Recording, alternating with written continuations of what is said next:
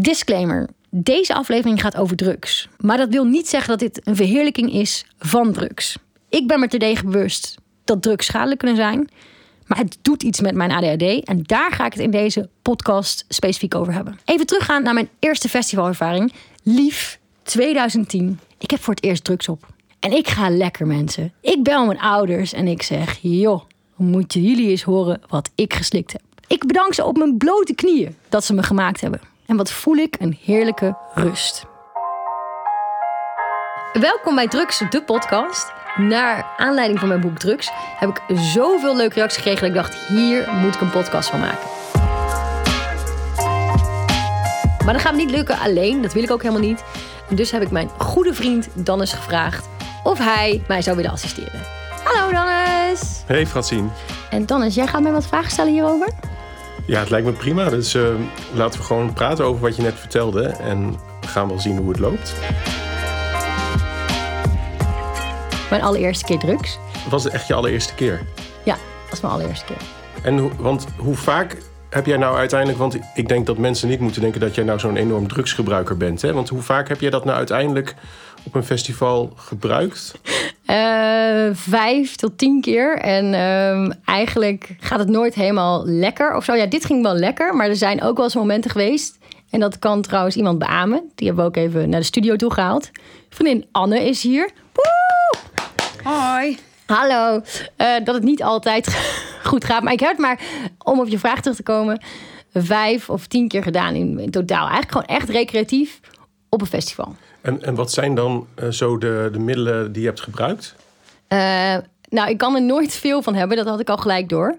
Want ik voel het al heel gauw. Dus uh, een ecstasy altijd maar een kwartje. Klinkt echt alsof ik echt een drugsgebruiker ben allereerste klas. Ja, je boek ook, hè? Dus dat, daarom dacht ik, laten we maar even vragen hoe het precies zit. Ja, en MDMA. Ja, dat heb ik gehad. En Nee, dat is het eigenlijk wel. Ja, dus ecstasy en MDMA. En dat dan vijf tot tien keer in je, in je leven, op festivals ja. met name.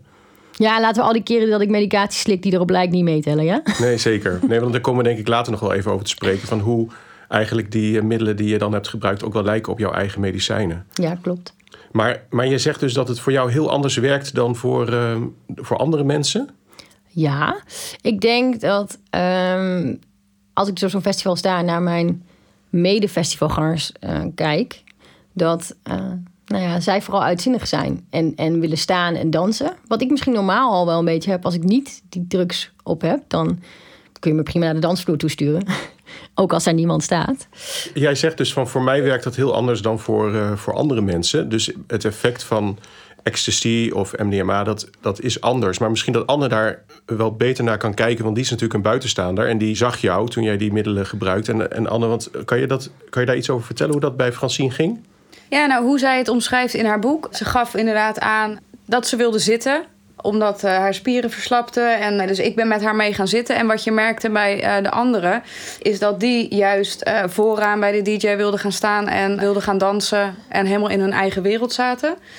Waar Francine uh, behoefte had om even te gaan zitten. En uh, die was ineens, ja, die, we waren heel fijn aan het kletsen. En ineens pakte ze haar telefoon om, uh, om haar ouders te gaan bellen. Ik schrok daar zelf ook wel van. um, maar dat mocht wel van jou, hè? Ja, bij je ouders had ik nog zoiets van: oké, okay, dit gaat nog. Maar ze drukte werkelijk waar uh, de telefoon in om haar baas te bellen. En toen heb ik echt afgepakt en Francine, dit kan je echt niet maken. Dit ja, dus ze werd heel bedankerig naar iedereen toe. Ja, zeker. Okay. Ze werd heel, heel lief, heel rustig, uh, heel erg positief. Um... Ik vond het ook wel echt leuk, want het, het grappige was wel... Um, ik, de reden waarom ik als eerste bijvoorbeeld mijn ouders ook wilde bellen... was, um, ik heb ooit een keer een huisgenootje gehad... en die was, dat, dat verhaal had ik gehoord... Die was met dank aan de drugs, volgens mij van de scooter gevallen of iets. En die is in het ziekenhuis gekomen, ik weet niet eens meer. En dat ze dus wel te ver heen was. En dat ze dus tegen de ouders moest zeggen wat er gebeurd was. Waarom ze in dat ziekenhuis lag. En ik dacht alleen maar, oh, straks lig ik ook door drugs. Doordat ik te hard ben gegaan of, of ongevallen ben. Ik weet veel wat je meemaakt als je drugs op hebt. Uh, dus ik dacht, ik moet wel even tegen ouders zeggen dat dit, dat dit gebeurt. Dat ik hier, uh, dat ik dit neem. Want ja, stel het gaat mis. Dan denken zij misschien dat, dat ze me niet goed hebben opgevoed. Terwijl mijn ouders hebben me prima gewaarschuwd voor dit soort dingen. En zijn er ook niet heel erg blij mee dat ik dat doe. En ik vond eigenlijk de reactie die ze gaven ook best relaxed. Dat ze wel zeiden, nou, wil je wel dat je oppast. Maar dat ze me niet bang maakten. Ja. Dus uh, ja, en ik was natuurlijk met, uh, met Annie. En die stelde me helemaal op rust. Gelukkig was je met Annie. Ja. Maar, je, maar jij beschrijft eigenlijk ook in je boek dat je, uh, dat je je toen eigenlijk wel heel erg jezelf ook als het ware voelde. Hè? Ja. Met, met, met, en, en dat had je bij je, je reguliere medicijnen eigenlijk uh, nog niet zo ervaren. Kan je dat nog eens wat beter beschrijven? Wat is dat dan? Dat je dan zo jezelf bent op zo'n moment?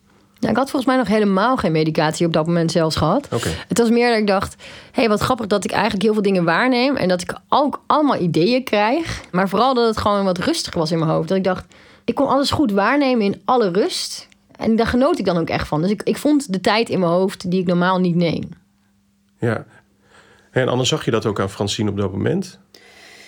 Ja, wat, um, wat ik bij eindigde op een gegeven moment een hele groep mensen om ons heen. Omdat uh, we met allerlei mensen in gesprek raakten op een gegeven moment ook. Maar dat ging bij Francine. Zij zat daar zo rustig en echt één op één hele diepzinnige en lange gesprekken te voeren. Waar dat normaal van de hak op de tak en met die en met de volgende. En uh, jij had nu alle rust om echt een gesprek te voeren. En ook, je was niet bewegelijk, je zat rustig. Ja. Je oogde gewoon je zag er rustig uit. Ja. Kan, kan, je dat nu ook weer, nu Anne dat zo vertelt, kan je dat ook weer terughalen dat dat inderdaad zo was? Nou, ik kan het vooral relateren aan een keer dat ik met Anne op een festival was. Uh, dat heette De Zon. en toen zat ik gewoon niet goed in mijn vel. En toen had ik drugs gedaan. Uh, volgens mij ook een kwart ecstasy. En toen voelde ik me al niet goed. En als je dan drugs neemt, vergroot het uit. Maar hier genoot ik al van waar we waren en met wie ik was. En dat het dus om die reden ook gewoon heel grappig was. En ik voelde me denk ik die dag ook mooi. Dat scheelt ook altijd. Van hoe je in je hoofd zit. Dat je lekker gewoon denkt, nou, ik heb er echt zin in. En dat had ik bijvoorbeeld bij het Festival de Zon toen ook wel. Maar daar zat ik gewoon niet goed in mijn vel. En toen nam ik het. En dan gaat het dus precies de verkeerde kant op. Dus het is wel... Ik weet op de een of andere manier was wel belangrijk bij het nemen van die drugs... dat je je goed voelt of zo. Want dan wordt het uitvergroot. Maar het vergroot bij mij ook uit als ik me niet goed voel. Maar voel. is dat anders dan bij andere... Ja, ik heb er weinig ervaring mee hoor, met die, met die medicijnen. Of medicijnen met die drugs, Ja, laat ik maar zo zeggen. Dan, maar is dat niet bij iedereen zo dan? Dat, dat als je je niet zo goed voelt en je neemt ecstasy... dat je dan nog minder goed voelt? Ja, maar dat is denk ik bij, bijna al die symptomen wel. Want ik, natuurlijk, ik, ik zou ongetwijfeld niet de enige zijn die wil gaan zitten of uh, hele diepzinnige gesprekken voert. Want dat zie ik wel vaker als ik omheen kijk op een festival. Maar het was vooral meer, ik denk, de innerlijke rust die je ervaart. En dat je heel goed moet luisteren naar wat je voelt. En ik denk dat ook als je je minder goed voelt, dan geeft het dus de tijd om erover na te denken. Maar dan ga je dus in mijn geval er nog wat dieper in. En dan ga je de verkeerde kant op. Dus ik moet Ja. wel heel erg oppassen dat als ik het doe. En ik heb er nu niet echt weer behoefte aan overigens. Dan wat het met me doet. Want Net zoals met medicatie, daar gaan we het misschien straks ook nog over hebben. Het maakt je anders. Het maakt je gevoel in dat opzicht. Ja, je bent jezelf. En ik denk, met drugs voel ik me. Nou, het maakt je niet anders. Met drugs maak, voel ik me. eh, Een, als ik me goed voel, ook een hele goede versie van mezelf. En dat wordt uitvergroot. Of, Dat, dat lijkt me dan wel lastig als je. Dat is natuurlijk ook het risico op verslaving. Als je dan je eindelijk voelt zoals je jezelf zou willen voelen. Dat is natuurlijk, lijkt mij iets wat je dan vaker wil zijn. Want iedereen wil denk zichzelf natuurlijk. ja, maar zijn. ik denk dat sommige mensen zichzelf ook niet willen voelen. En dan kun je ook prima Oh, ja. medicatie nemen of alcohol of drugs bedoel ik. Dan, om het te onderdrukken. Maar ik dacht, bij mij haalde het juist naar, haalde het heel erg naar boven. Wat ik misschien ongefilterd wel voel. En waar ik soms bang ben om dat te zeggen. Alleen met, met, met eh, drugs op durf ik dat wel naar buiten te brengen wat ik voel. Terwijl, en, en ook best wel gewoon, nou ja, ik wou zeggen lik op stuk beleid, maar gewoon straight to the point. Ja, dan kan ik goed onder woorden brengen wat ik vind. En dat is misschien normaal, dan voel ik dat wel, maar dan durf ik dat niet te zeggen. En met drugs durf ik dat dus wel. Dus ik durf, ja, Anne weet het ook. Ik hou helemaal niet van knuffelen en aanrakingen. En ik hou er ook niet van tegen mensen in, dat, in het algemeen zeg ik hou van jou. Of, eh, eh, en dat weet jij trouwens ook dan eens. Ik, ik hou dat, daar. jij, dat jij van mij houdt. Ja, ik hou ook van jou dan. Maar ik maak er dan vaak een grapje van. Hé, Anne, ik hou ook van jou. Maar, maar ik haat om dat soort dingen te zeggen. Of als mensen me een compliment geven, dan word ik daar ongemakkelijk van. Eh, maar met ja, die medicatie, dan vind ik dat ook nog mooi om dat zelf helemaal te geven. En misschien dus ook wel te ontvangen. Terwijl dat eigenlijk dus wel van binnen in jou zit. Jij zou het wel willen kunnen. Dus je zou wel tegen Anne of tegen mij dan eh, willen zeggen dat je van ons houdt. Maar dat is dan lastig. Maar op het moment dat je dus die, eh, die ecstasy had genomen, gaat het veel makkelijker. Ja, het gaat makkelijker. Hey, en de momenten buiten, buiten dan ecstasy-gebruik. Die, Anne, heb jij wel eens bij Francine gezien dat, dat er vergelijkbare momenten zijn zonder dat ze dat, zonder dat ze die ecstasy of MDMA heeft gebruikt? Of is dat eigenlijk wel uniek, die momenten op die festivals geweest, dat ze echt iemand anders was of leek? Of dus eigenlijk zichzelf meer was, zoals ze dat dan zelf zegt. Ik vind het moeilijk om daarover te oordelen, omdat het iets is wat echt in Francine gebeurt. Ehm, wat ik zelf merk is als, uh, als Francine bij, bij ons thuis komt... en ze komt soms als een wervelwind binnen, soms rustig, dat wisselt. Uh, maar als als een wervelwind binnenkomt en dan uh, vertelt ze gewoon wat er, wat er die week gebeurd is... wat ze kwijt wil. Ehm, en ik merk op een gegeven moment dat jij dan ook rustig wordt. Ja. als jij je hart gelucht hebt en alles kwijt bent...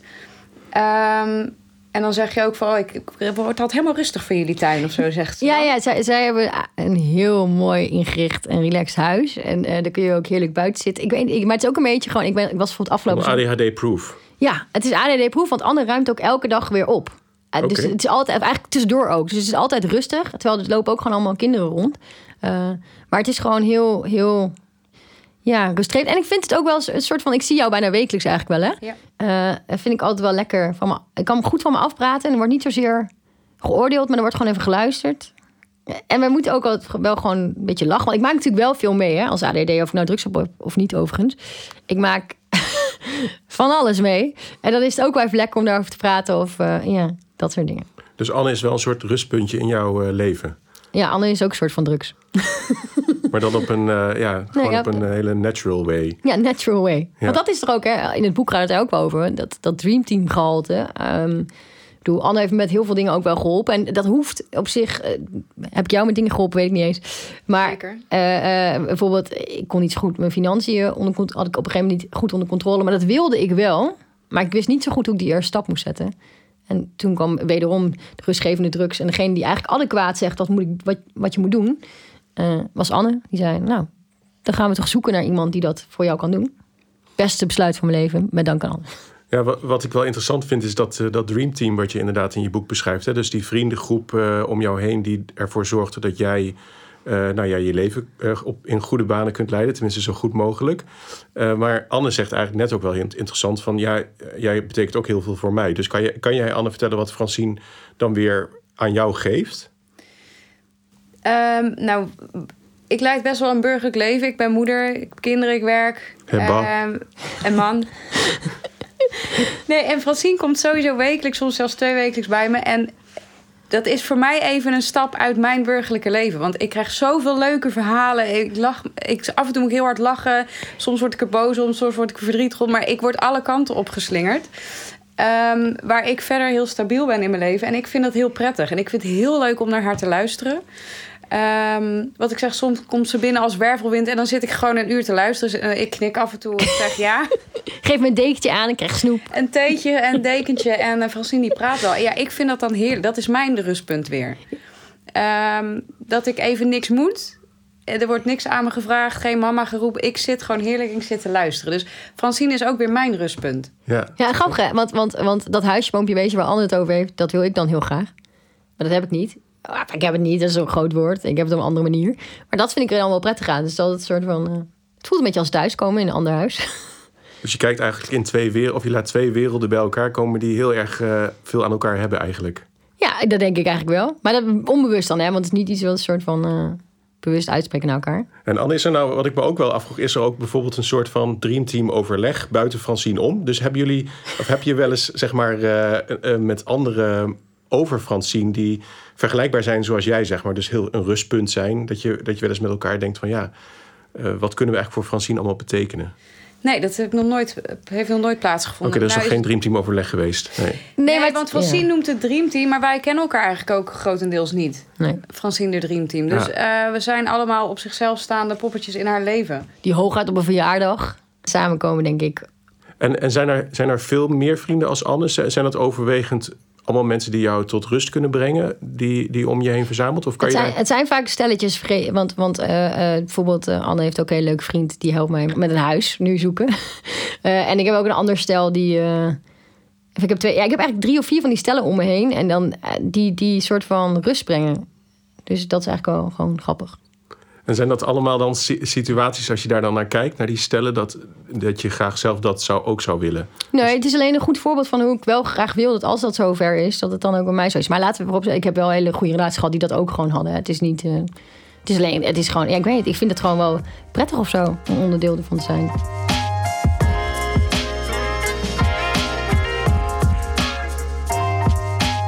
Wat je ook wel in je boek beschrijft, is natuurlijk dat, ehm, daar hebben we het ook over gehad. En jij en ik hebben het daar natuurlijk ook wel over gehad voor het boek. Dat die drugs die je hebt gebruikt, MDMA en ecstasy, daar zit een stofje in, amfetamine, die ook in jouw normale medicatie zit. Hè? Dus dat je eigenlijk ook wel heel erg hebt gezocht van ja, maar wat is nou voor mij de beste manier om door het leven te gaan? Ja. En je dus in die momenten op die festivals voelde van nou, ja, ik, eh, dit is eigenlijk zoals ik zou willen zijn. Ja, worstel ik wel mee. En daar met Anne ook wel eens over gehad. Dus Anne ziet ook wel eens als ik medicatie op heb, denk ik. Eh, ik, slik, ik heb niet altijd consistent geslikt, bijvoorbeeld. Terwijl, ja, de meeste ADD-medicatie vragen erom dat ik het consistent slik. En hoe heet het ook alweer dan eens als je niet consistent doet wat de dokter vraagt? Ja, dat noemen wij dokters dan uh, non-compliance. dus dat de, de patiënt eigenlijk ongehoorzaam is aan wat jij als dokter dan uh, voorschrijft. En dat komt heel veel voor. Hè? Dat hebben we toen nog opgezocht uh, in de medische literatuur. Dat tot uh, 65% van de, van de patiënten, of patiënten, ja, dat is ook een ingewikkeld woord. Van ben je eigenlijk patiënt? Kunnen we het ook nog over hebben. dat, dat de medicijnen gewoon niet slikken door alle bijwerkingen. Mm Maar daar komen we natuurlijk nog wel over te praten als we het over echt de medicijnen zelf hebben. Ja. Um, nou, ik denk dat we het hier wel kunnen hebben over het effect van als ik wel medicatie op heb. Omdat ja, ik, kijk, dat is het een beetje. Ik, ik, inderdaad, zoals ik me met drugs heb gevoeld, zo wil ik me ook graag. Um, als het de positieve kant van drugs is, ook voelen als ik medicatie op heb. Die rust en het overzicht ook wat je erdoor terugkrijgt. Maar ja, wat ik zei, ik heb het heel vaak niet consistent geslikt. Want het probleem is wel, net als met gewone drugs, dat je de, de bijwerkingen soms heel erg zijn. Dus net zoals je op uh, van een festival de dinsdagdip hebt. Zo krijg je van medicatie als je het een dag niet slikt of als je het vier dagen hebt geslikt dan ben je bijvoorbeeld daarna helemaal uitgehold als je dan een dag stopt. Dus een beetje als een soort van drugs addict die stopt. Dat vind ik soms wel heftig en daarom vind ik medicatie ook niet altijd prettig. Dus bijvoorbeeld naar Anne toe gaan is dingen in balans houden. Dus dat is een soort van meer, laten we zeggen, natuurlijke drugs. Want dat doet medicatie ook. Die houdt dingen hopelijk voor je in balans. Die, die filtert dingen eruit. Maar soms gewoon even praten met iemand en je, en je daardoor weer goed voelen. Of beter in je vel, omdat je het even over hebt gehad is dan ook wel prettig. Er zit natuurlijk een hele duidelijke relatie tussen jouw medicatie voor, voor ADHD en de ecstasy en de MDMA, omdat die gewoon qua structuur deels wel op elkaar lijken. Ja. En waar we het net over hadden, is dat het risico bestaat dat je verslaafd kan raken aan, aan dat soort middelen, omdat ze je eenmaal, nou eenmaal een goed gevoel geven. Maar dat is bij jou niet zo. Nee, omdat ik ook wel dus weet, net zoals bij medicatie, ik vind de afterdip het zo niet waard. En dat heb bij medicatie ook vaak. En als er zijn maar weinig momenten dat ik het echt heel consistent heb geslikt. En er zullen ongetwijfeld mensen het dan niet mee eens zijn. Maar het is ook wel onprettig om soms die andere versie van jezelf te zijn. Want je dan denkt, dan ben ik dus altijd afhankelijk van een middel om me goed te voelen. Of het nou drugs is, alcohol of medicatie. Dat is onprettig. Dus dan is het wederom weer fijn dat je vrienden hebt die je aan herinneren wie je dan wel bent. En dat is een beetje met vallen. Maar dat is in mijn geval wel met vallen en opstaan. Ontdekken wat dan past. Want ik vind mezelf eigenlijk het allerleukst als het helemaal ongevuld is. Maar ik zit wel in de samenleving. Uh, draai ik mee waarin wordt verwacht dat ik in een bepaalde pas loop. En en dat ongenuanceerd jezelf zijn, dat kan niet altijd. Dat vind ik zelf wel jammer, want dat is eigenlijk wel waar ik naar streef. Sommigen zullen misschien zeggen, ja, die ecstasy is misschien juist een filter. Ik krijg alle prikkels binnen. Dus ik zie licht, ik zie een plant, ik zie Anne zitten in een gele blouse. Ik krijg dat allemaal mee, maar ik mag daar niet iets mee doen. Maar mijn hoofd kan dat niet uitfilteren. En wat er dan eigenlijk gebeurt is, jullie normale mensen hebben een filter van wat relevant is en wat niet. En wat niet relevant is, wordt ook niet verwerkt. Het wordt gelijk eigenlijk weggegooid. Dat heb ik niet. Dus wat zou voor jou eigenlijk het meest, meest ideale medicament zijn als jij zou moeten zeggen tegen een farmaceutisch bedrijf: hey, ontwikkel dat is. Welke dingen moet het hebben en welke dingen moet het niet hebben? En wat moet er dan in zitten? Nou, ik wil die bijwerkingen niet. Dus, dus ik, ik, ik... En wat zijn die bijwerkingen voor jou? Uh, oogdruk heel hoog, dus dat ze bijna uitpuilen, zo voelt het. Kaken op elkaar. Uh, en ja, uitgehold voelen. En dat uitgehold voelen, dat kan ik echt niet omschrijven. Maar dat voelt net of je hele... Nou ja, ik weet niet of iemand in zijn neusholte het wel heeft gehad... of in zijn gehemelte. Maar dat voel je in je hele hoofd. Dat het gewoon... ligt een bepaalde druk op die heel onprettig is. Dat is echt een fysieke pijn? Ja, fysieke pijn. Oké, ik ben wel benieuwd naar hoe het echt voelt. Dus je zegt van die kaken. Wat is dat met die kaken precies? Want dat moet je misschien uitleggen aan mensen die dat niet nou, hebben. Ik kan op een gegeven moment mijn mond bijna niet, soms niet open krijgen. Dus die zijn gewoon helemaal strak op elkaar. op elkaar. Ja, dus, dus mijn tanden zijn er ook bijvoorbeeld korter door geworden. Oké. En als het niet oppast door de jaren heen, heb ik geen tanden meer. En is dat dan ook echt gewoon overdag? Dus als je jou tegenkomt en je zegt... hé hey, Francine, zeg je... nee, dat niet? nee. Uh, dat is vaak uh, s'nachts.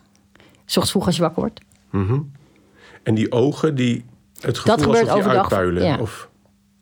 En van binnen dus pijn, uitgeholde pijn. Ja, dat doet echt, dat is het meest naar eigenlijk. Dus als je stopt, eh, of je voelt toch dat die medicatie dan misschien schade aanricht. Dat gevoel krijg je, er wordt een beetje onzeker van. Omdat je dan denkt, ja, Omdat het zo'n pijn doet. omdat het pijn doet. Dus dan moet er toch iets gebeurd zijn wat die pijn veroorzaakt. En dat is dan weer die andere kant van de medaille, die is onprettig. Dus je betaalt eigenlijk een prijs. En die prijs is pijn.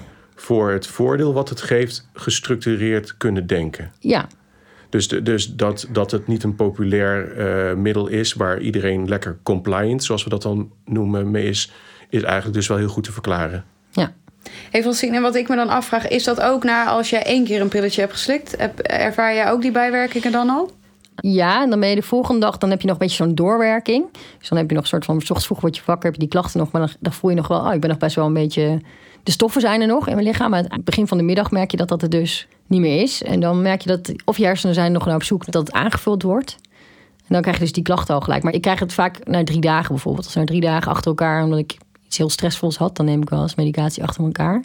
Ja, dan, dan, dan voel ik dat, dat uitgeholde. Anne, merk jij ook aan Francine als ze dan haar eigen medicijnen gebruikt? Dus jouw goede Ja. vriend Dex, Ja. eh, als ze die gebruikt, dat, zie je dat aan haar? Eh, ik merk het aan haar gedrag en de manier waarop ze praat. Eh, omdat zij dan inderdaad een stuk rustiger overkomt, dingen duidelijker kan vertellen, meer to the point blijft in plaats van eh, met allerlei omwegen of eh, Side stories. side stories. Ehm, ja, ik merk dat zeker wel. Maar ik heb niet. Ik kan me voorstellen dat het voor jou eh, soms prettiger is. Maar ik als vriendin, mij maakt het niet zo uit. Ik vind juist de kant van Francine dat ze als inderdaad af en toe als een wervelwind binnenkomt en wel al die side stories. Dat maakt het voor mij ook geregeld wel heel interessant om naar te luisteren. Dus het heeft. Ik zie dat het voor jou, Francine, voor jou veel prettiger is, want je zit rustiger. Ehm, en ik vind allebei de Francines leuk. Dus dat, dat, En zie je wel ook haar pijn, die ze dan zelf beschrijft? Dus die, die fysieke pijn van die medicatie, zie je dat aan de buitenkant of niet? nee. Nee. Nee, dat zie ik niet. Oké, dus dat voel je echt van binnen. Ja, dat is gewoon fysiek, ja, letterlijk is fysieke pijn. Maar je ziet, die gaat niet eh, op, je ligt niet ergens onderuit of zo. Maar je ziet jou niet in pijn zijn. Je ziet niet aan jouw blik dat je daar op dat moment pijn van Je hebt. ziet wel eens, maar ik weet niet of ik dat bij jullie ook was gedaan. Soms ga ik eh, dan even slapen. Dan ja, gaat, dat doe je wel geregeld. Ja. Dus dan ga je heel even een kwartiertje zeggen. Ik ga even tien minuten of een kwartiertje, gaat even op de bank liggen. En dat kan jij ook gewoon waar iedereen bij is. Want jij deed dat twee weken geleden en toen liepen mijn dochters eromheen en mijn moeder was op visite. En dan gaat Francine gewoon op de bank even liggen. En dan zie ik dus wel dat jij zo overprikkeld bent en dat jij het even nodig hebt om je heel veel af te sluiten. Ja. Want het is wel interessant wat jij zegt. dan, Want ik vind eigenlijk, je hebt twee versies van Francine. Je hebt Francine met medicijnen, die dan eh, heel rustig is, maar dat dus ook van binnen pijn heeft. En je hebt Francine die als een wervelwind er doorheen gaat. Ja. Ehm, en dat vind ik ook, die vind ik ook heel leuk. Maar vindt Francine die wervelwind-versie van zichzelf ook leuk?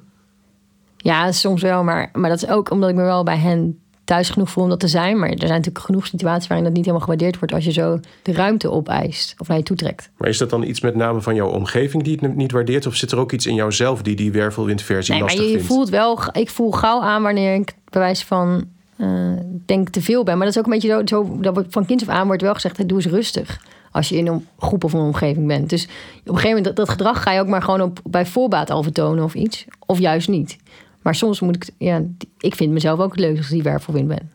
Ja, maar dan heb je het dus weer over je omgeving. Ja, dus, dus eigenlijk in jouzelf vind je die wervelwind eigenlijk heel fijn. Dus als Mhm. die omgeving daar... Het ongetemde eigenlijk. Ja, de- dat is eigenlijk ook een versie van jezelf die jij heel graag zou willen zijn. Ja, En als die omgeving daar maar niet negatief op reageert. precies. En dat maakt natuurlijk ook dat het... A, die medicatie doet pijn. En eigenlijk haalt die medicatie ook jouw wervelwindversie weg... die jij zelf eigenlijk best wel prima vindt. Nou, dit, dit ligt eraan. Wat ik zei, soms als medicatie net is ingeslagen... dan haalt hij het juist op een goede manier naar boven. Zoals drugs dat ook doet. Maar die afgevlakte versie is niet altijd verkeerd, maar... Ja, ja ik weet niet. Ja, maar ik kan ook niet de hele tijd aanstaan, hè, zoals wat mensen wel eens verwachten. Dus die wervelwindversie, daar word ik zelf soms ook moe van. Nee, want ik moet zeggen, ik zie nog wel eens... Kijk wel eens op jouw Instagram-account... en daar wervel jij ook vrolijk... eh, eh, Als ik me goed voel, dan zie je me veel op Instagram. Als ik me niet goed voel, heb ik daar, dan ben Ja, ik ik heel zie erg bezig met de omgeving. Ik zie ook wel eens dat jij dan heel bleek bent en met wallen onder je ogen. En dan dat ik zie, die heeft niet zo heel veel slaap gehad. Voel je jezelf dan nog best wel prima? Nou, nee, lang niet. De afgelopen tijd sowieso niet. Omdat mijn leven ging niet zoals het normaal gaat. Waar ik wel gebaat bij ben. En Er was eh, veel ruis. eh, met het hebben van een baan en een boek wat het goed doet.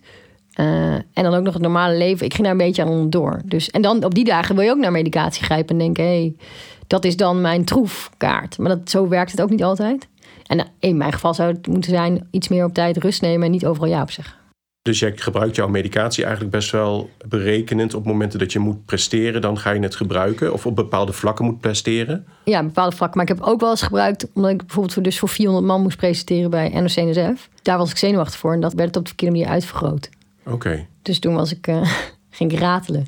Want is het zo als je zou moeten presteren dat je die medicatie ad hoc kan gebruiken? Of moet je het eigenlijk de paar dagen van tevoren al beginnen? Om zo goed mogelijk dan en gestructureerd mogelijk te ja, kunnen ik, presteren? ik denk dat dat voor iedereen anders is. Maar voor mij kan het gewoon die dag nemen. Dus als ik echt weet dat er echt heel veel gedaan moet worden... en ik daar nu al weet, dan krijg ik het overzicht niet in... dan neem ik het vaak. Ja, en het klinkt natuurlijk voor ADHD-behandelaars in de oren als... nee, nee, nee, Nee, oh nee. ja, ik denk Zo voor ook heel veel luisteraars. het weer over die non-compliance. Ja. Ehm, maar ik vind wel mooi dat je daar zo heel eerlijk over vertelt hoe, de, hoe, de, hoe het in de werkelijkheid gaat. Nou, ik, ik denk dat vooral belangrijk is dat je moet doen wat werkt voor jou. En heel veel dingen werken voor mij dan dus niet. Maar sommige dingen dus wel.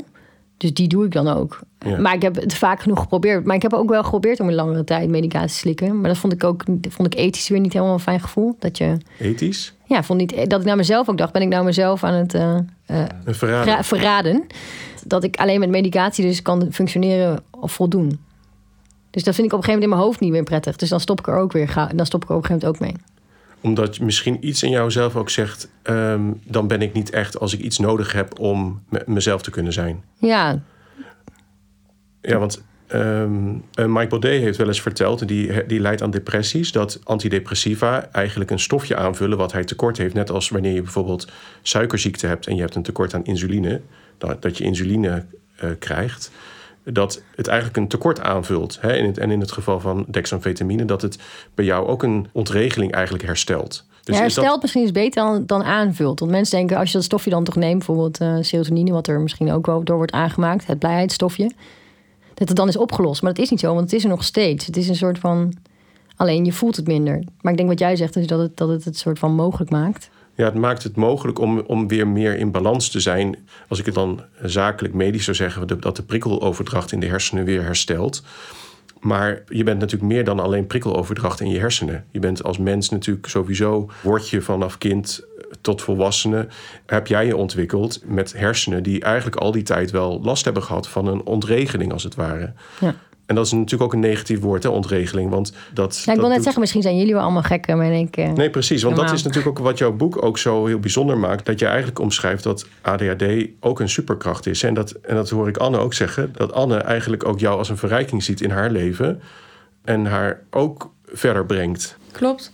Ja, maar dat is ook van als jij geen medicatie op hebt, ben jij wel eh, veel creatiever. En ehm, dat, waardeer ik ook altijd erg. Van zien komt gewoon eh, graag met oplossingen, maar echt oplossingen waar ik zelf niet aan denk.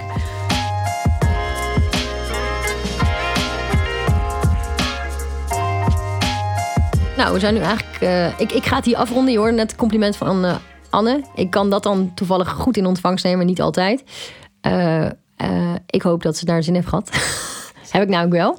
En het was, wat ik wel even grappig nog wil zeggen is... het is best moeilijk om met, eh, met je vrienden rechtstreeks hierover te praten. Hè? Dat, ik denk dat Anne dat misschien ook kan maken. Maar dat het wel heel leuk is. Maar dat ik wel denk, oh, heeft iedereen naar zijn zin? Nou, heeft iedereen naar zijn zin gehad? Misschien mag ik die vraag stellen. Ik heb het iedere podcast weer heel erg naar mijn zin met jou. Dank je. Jij ook, Anne? nou, Anne was er heel leuk om te doen. Oké, dan top. Nou, dank jullie wel.